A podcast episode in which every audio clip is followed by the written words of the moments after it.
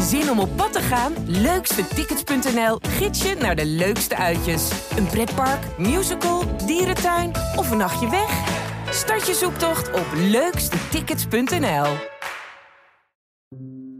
Hi, mijn naam is Corine Kolen en je luistert naar De Liefde van Nu. In de 18 jaar dat ik interview over de liefde heb ik die nog nooit zo zien veranderen als op dit moment. Grenzen tussen vriendschap en liefde zijn veel minder scherp. En ook de strikte verschillen wat betreft seksuele geaardheid en voorkeuren zijn aan het vervagen. In deze podcast interview ik telkens iemand die vertelt over hun zoektocht naar liefde en vriendschap. Dit is de liefde van nu.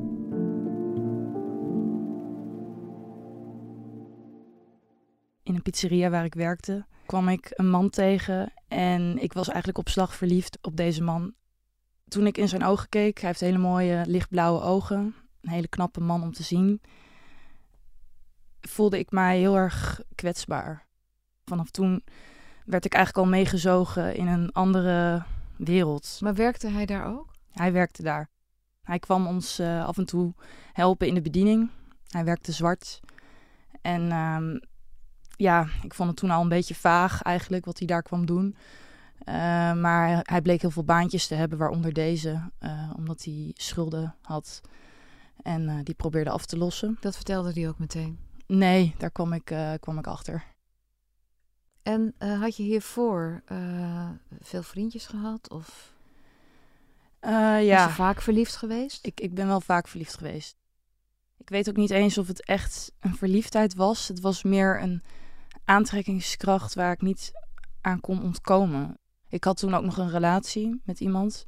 En vanaf het moment dat ik hem zag, toen voelde ik al: oh jee, dit, ja, dit gaat mis. Wat ik nu heb. Het voelde letterlijk alsof mijn leven een beetje begon af te brokkelen. Hoe zagen jullie dagen eruit samen? Hoe vaak zagen jullie elkaar? Wat deden jullie samen? We werkten dus allebei in die pizzeria. Nou, daarna gingen we samen naar mijn huis meestal. Hij wilde niet dat ik bij hem thuis kwam. Dat vond ik ook gek. Was een rode vlag, maar die zag ik toen niet. Die negeerde ik.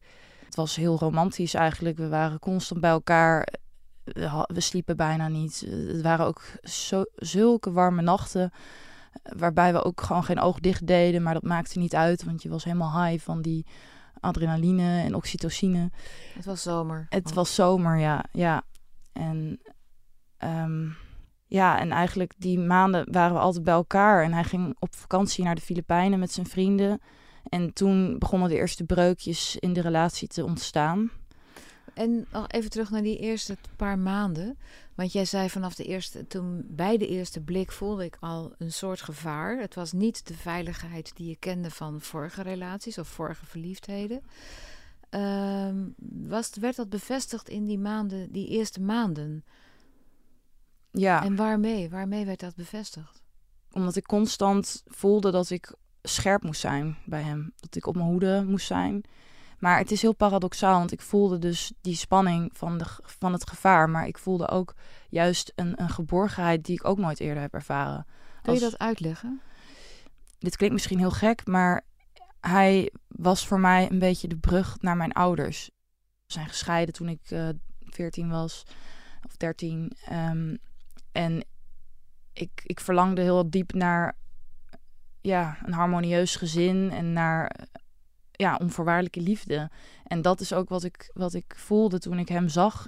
Toen, toen voelde ik, bij hem kan ik dit krijgen. En dat was dus een illusie, dat bleek een illusie te zijn. Um, waar ik gewoon heel graag in wilde geloven. Hij was niet altijd beschikbaar en bereikbaar, om maar iets te noemen. Hij is verslaafd nou ja, ik herkende daarin een soort dynamiek die ik ook voelde vroeger. Um, dat mijn vader bijvoorbeeld niet altijd aanwezig was of emotioneel niet aanwezig was. Maar omdat deze man wel voor mij wilde kiezen, voelde het alsof ik dan, het dan toch nog zou kunnen krijgen. Alsof het dan toch nog goed zou komen. Maar ik probeer nog steeds te, te begrijpen waarom je dacht dat je dat van hem kon krijgen. Omdat dat onveilige er ook in zat. Ja, nou, Waarom dacht je dat? Waarom dacht je dat je het bij hem kon krijgen? Ja, juist omdat die onveiligheid erin zit. Ja, dat, dat is wat ze nou ja, ook een relatieverslaving noemen. Dat ehm, als je, nou ja, kwetsbaar bent voor ehm, ehm, ja, het geloven in een illusie eigenlijk. Dat het allemaal goed gaat komen. Dat je alsnog lang en gelukkig zult leven met een liefde die, die jou, waardoor jij weer compleet voelt. Ehm, dan heb je dus iemand nodig die eigenlijk ja, ook gebroken is, als het ware. Zodat je alsnog met al jouw liefde ervoor kan zorgen dat diegene nou ja, beter wordt. En dan heb jij daarvoor gezorgd. En dan kan hij daarna voor jou zorgen. En dat, dan is het weer in evenwicht.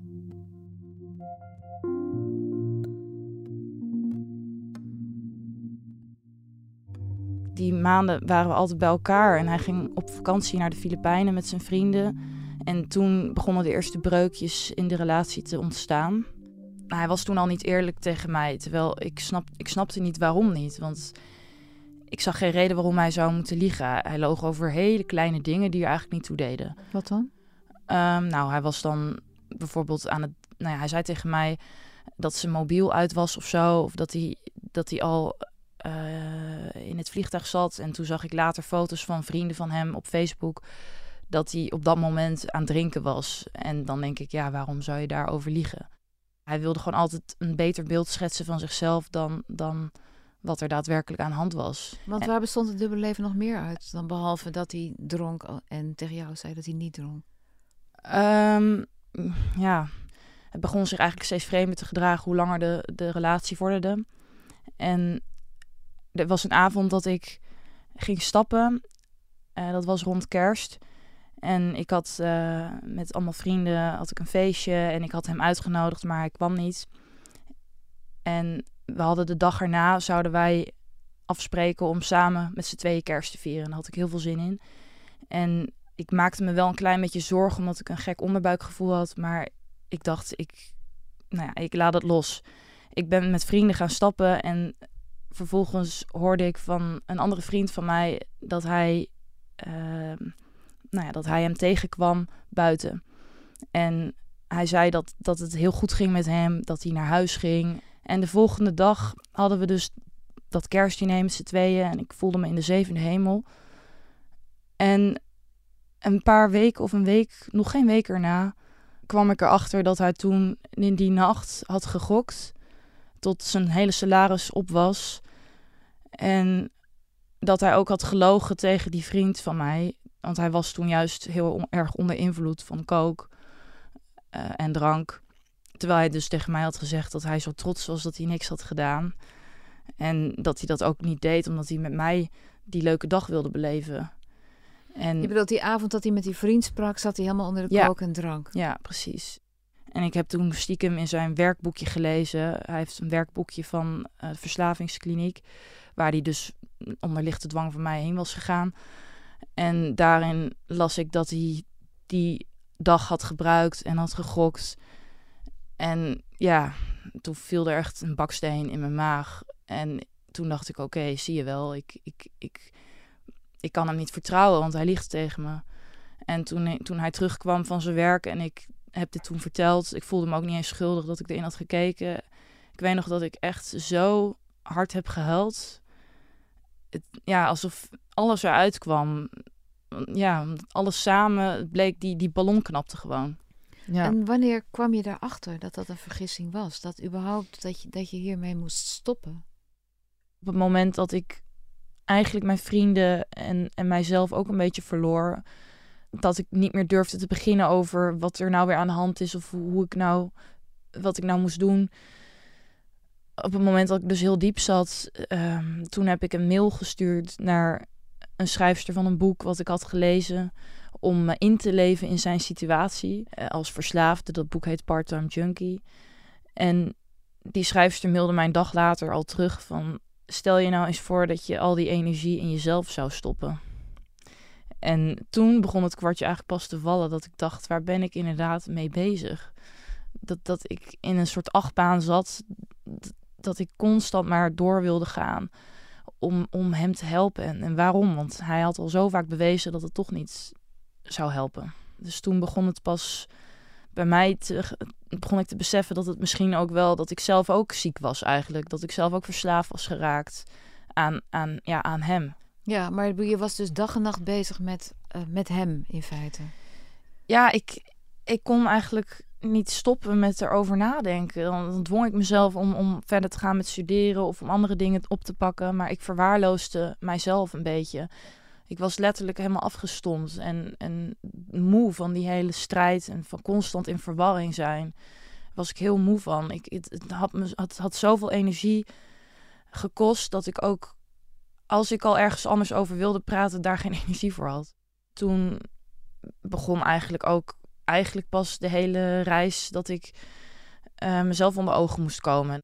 Uh, maar wat, wat, wat bedoel jij daarmee? Wat hield dat voor jou in? Nou, ik, ik ben naar een uh, vrouwengroep gegaan om mee te beginnen. Um, dat is eigenlijk hetzelfde concept als een AA-groep, maar dan dus voor vrouwen die een ja, verslavende relatie hebben gehad of hebben. En verder, ja, ik, ik ben gewoon fulltime bezig geweest met voelen. Voelen van wat, wat zit er nou in mij, wat, wat ik constant uit de weg probeer te gaan. En wat is dat? Um, nou, een van de dingen waar ik achter ben gekomen, waar ik mijzelf heel erg mee voor de gek heb gehouden, is dat ik, ik ben een heel sterke vrouw. Wordt, wordt, wordt ook over mij gezegd, omdat ik mijn woordje klaar heb, omdat ik niet een discussie uit de weg ga. Maar diep van binnen ben ik wel onzeker. En dat heb ik ook eigenlijk altijd proberen te verhullen hiermee. En ook met die relatie met hem. Ik had het nodig om hem te kunnen helpen, zodat ik niet aan mezelf hoefde te denken. Het was een afleiding voor mezelf. En um, ik, ik drong het op eigenlijk. Ik drong gewoon constant inzichten op bij hem. Ik, ik ging steeds het gesprek aan, terwijl hij daar niet op zat te wachten. En ergens vind ik ook nog steeds dat ik dat wel had moeten doen. Maar ik zie er wel in dat, dat het gewoon veel te veel is geweest. En die constante onrust, die, die ging ik altijd, ja, probeerde ik uh, op te lossen door, door bijvoorbeeld een relatie met hem te hebben. Maar die onrust, die, ja, die komt ergens vandaan. En dat probeer ik onder ogen te zien. En dat is nog steeds gaande, dat proces. Welke consequenties heeft dat op jouw leven, voor jouw leven gehad? Nou, ik ben al niet de snelste, maar ik, het heeft wel heel veel dingen vertraagd. Ik, ik heb bijvoorbeeld mijn studie niet afgerond. Ik ben nou ja, ook wel vrienden verloren die geen begrip hadden voor hoe ik daar zoveel mee bezig kon zijn. En dat ik ook afspraken afzegde omdat ik gewoon geen energie meer had.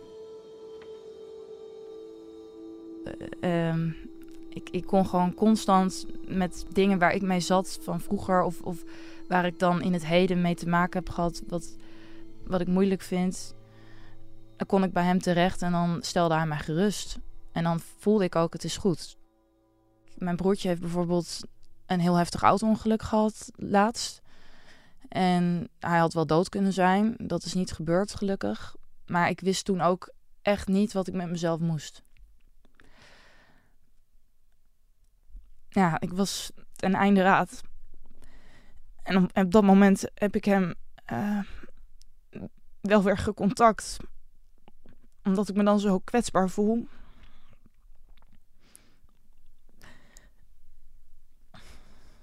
En, en reageerde hij toen? Ja, ja, hij is toegekomen. En eigenlijk, ja, wat kan je ook voorzinnigs dan zeggen, maar hij heeft niet veel zinnigs gezegd, maar door zijn aanwezigheid word ik toch weer rustig en heb ik het idee dat ik het wel weer aan kan. En wanneer was dit? Um, drie maanden of vier maanden geleden, zoiets, denk ik. En zien jullie elkaar nu weer vaak of hebben jullie nu weer meer contact? Nee, we zien elkaar maar eenmalig. Nou, dat, dat was even een, een, korte periode dat we elkaar weer zagen. Ja, maar die is weer gestopt. En mis je hem? Mis je dat meeslepende? Nou, nu Eigenlijk niet meer. Nee, maar wat ik nu merk is, ik, ik heb nu wel een soort nog leegte, omdat dat, het is niet opgevuld nu met iets anders. Een van de laatste keren dat ik hem heb gezien, toen lagen we samen op mijn bed en nou ja, we hadden elkaar niet eens vast en toch voelde het heel intiem. Omdat ik hem toen vertelde over dat ik soms wel eens die vroegere versie van mezelf mis. En dat ik nooit had geweten dat, dat, dat ik er zo door zou veranderen. Dat de bouwstenen waar ik uit besta, dat die eigenlijk zijn omgegooid. En dat ik nu met dezelfde bouwstenen iets anders in elkaar zit. Door hem? Ja.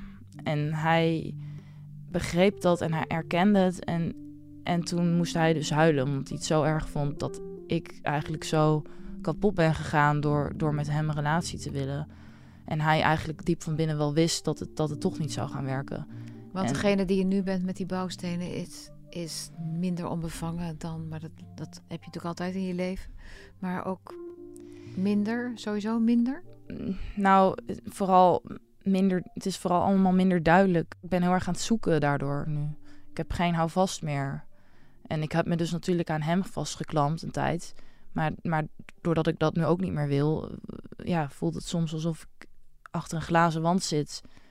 En ja, dat ik dan niet echt in diezelfde wereld ben als de rest waar ik bij wil horen. Of ja. En, en toen hij daarom moest huilen, toen gaf mij dat zo'n ja, puur gevoel.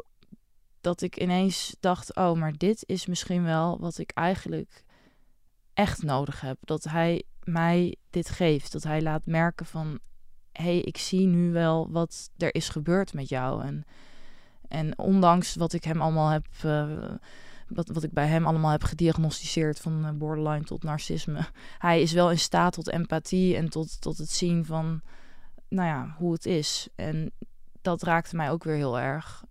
En hij heeft ook niet meer geprobeerd om het te veranderen of om mij te manipuleren. En ik hem ook niet. Het was goed zo. Het was heel verdrietig, maar het was goed zo. Ben je, ben, je, ben je blij? Ben je gelukkig? Ben je nu ben je blij dat je in ieder geval een soort stap daarin genomen hebt? Dat het voorbij is? Of je, zit, ik ben, je hebt al een paar keer gezegd, het zit nog niet helemaal voorbij, maar dat je het, in ieder geval die analyse hebt kunnen maken en dat je op die manier er toch met enige afstand naar kan kijken? Ja, ik, ik ben blij dat het voorbij is, maar ik, ik zit nu niet Ehm, in een fase dat ik denk, oh, ik, uh, wat is het nu allemaal goed of zo? Omdat ik weet dat het nog een lange weg is uh, om, om echt, ja, um, dat, dat ik die afhankelijkheid niet meer voel. Dus ik, ik zit nu een beetje in een, in een twilight zone, waarin ik niet meer terug wil naar dat wat ik had, maar dat ik ook nog niet mij helemaal thuis voel in, in de wereld waar ik eigenlijk in zou willen leven. Met alle normale mensen en mensen die gewoon gezonde relaties hebben. En ja, dat, dat voelt ook nog steeds een beetje ver van me af. Terwijl, ja, ik doe heel saai ook? nou ja, ik, ik vond het inderdaad altijd heel saai. Maar ja, ik zie nu ook wel in wat de voordelen ervan zijn. Maar tegelijkertijd ben ik ook gaan inzien hoe ehm, heb ik meer begrip gekregen voor, voor mensen die een leven leiden zoals hij. omdat ik ook door hem ook ben gaan zien dat bijvoorbeeld sommige vrienden van mij ook wel heel veel drugs gebruiken. En dat ik, nou ja, dat die wel vinden dat dat normaal is bijvoorbeeld. Terwijl wat maakt dan, wanneer is het ongezond? Wanneer ben je verslaafd? Dat zijn nog steeds vragen die wel in mijn hoofd spelen. dat, dat ik niet meer een duidelijke scheidslijn heb tussen goed en niet goed. En ja, dat, dat is wel iets wat nu echt op losse schroeven staat. Ja. Dus het maakt het leven wel ingewikkelder.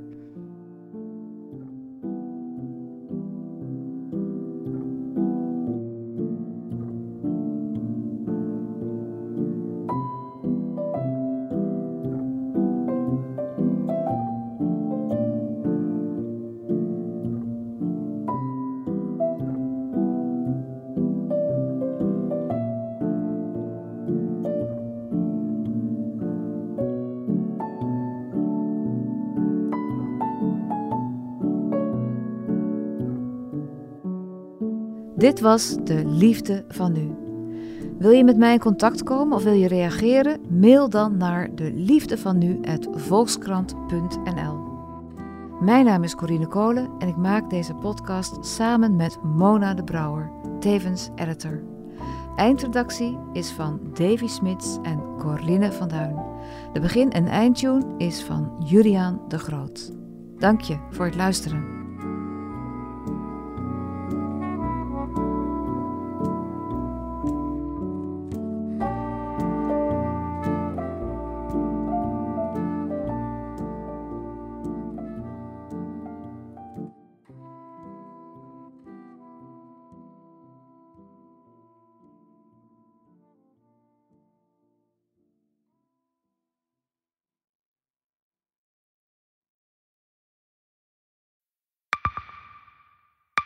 Zijn leven is overhoop gegooid. Plus dat heel veel mensen hem niet geloven. Vrienden niet, die, die denken, ja, hij is gewoon gek geworden. Hoe naar moet dat zijn? Als je vertelt over de meest indringende ervaring uit jouw leven en niemand gelooft dat je het echt hebt meegemaakt. Ja, ik vind zelf niet dat ik het verzonnen heb, maar sommige mensen denken dat wel. Maar hoe kom je erachter of jij het doelwit bent van een geheime dienst? Ik heb ook wel eens meegemaakt dat je het idee hebt dat inlichtingendiensten in je geïnteresseerd zijn. En dan kun je wel heel veel zien, wat er misschien helemaal niet is. Als ik s'avonds nog iets ging eten, dan volgden die mensen mij naar het restaurant. En dan terug van het restaurant naar het hotel. Als zij op een gegeven moment zei, kijk maar uit, want anders word je dadelijk nog voert ook. Shit, ik moet hier weg. Dat is, dat is niet goed. Nu word ik gevolgd. Een soort Truman Show is het gewoon. Hè? Alsof dat hele straatbeeld voor jou is ingericht. Maar dan wel met bedoeling ja, jou niet door te laten. Dit kan geen toeval zijn. Een nieuwe podcast van de Volkskrant. Mijn naam is Simone Eleveld en samen met Huid Modderkolk ontrafel ik een bizarre operatie van de geheime dienst. Wat het doel ook is, jij verliest het. Ik werd opgepakt, heel lang ondervraagd. Maar hoe krijg je grip in een wereld die zo onderzichtig is? Als je zou liegen, dan zou je niet de meest relevante informatie twee jaar later tussen neus en lippen doorvertellen. Er zal nooit iemand zeggen, oké Bart, ik geloof je. Nooit, nooit. Dit kan geen toeval zijn. Vanaf 3 oktober bij de Volkskrant. Ik weet niet of ik ook alles kan vertellen. Het is echt te bizar. Wat? Ehm, ja. Op zoek naar een auto? Op gaspedaal.nl zoek en vergelijk je op meer dan 40 autosites tegelijk. Je zoekt op de grote autoportalen en bij de autodealer om de hoek. Je hebt het grootste aanbod en maak daarom de beste vergelijking. En zo mis je nooit meer een auto. Zoek en vergelijk op gaspedaal.nl.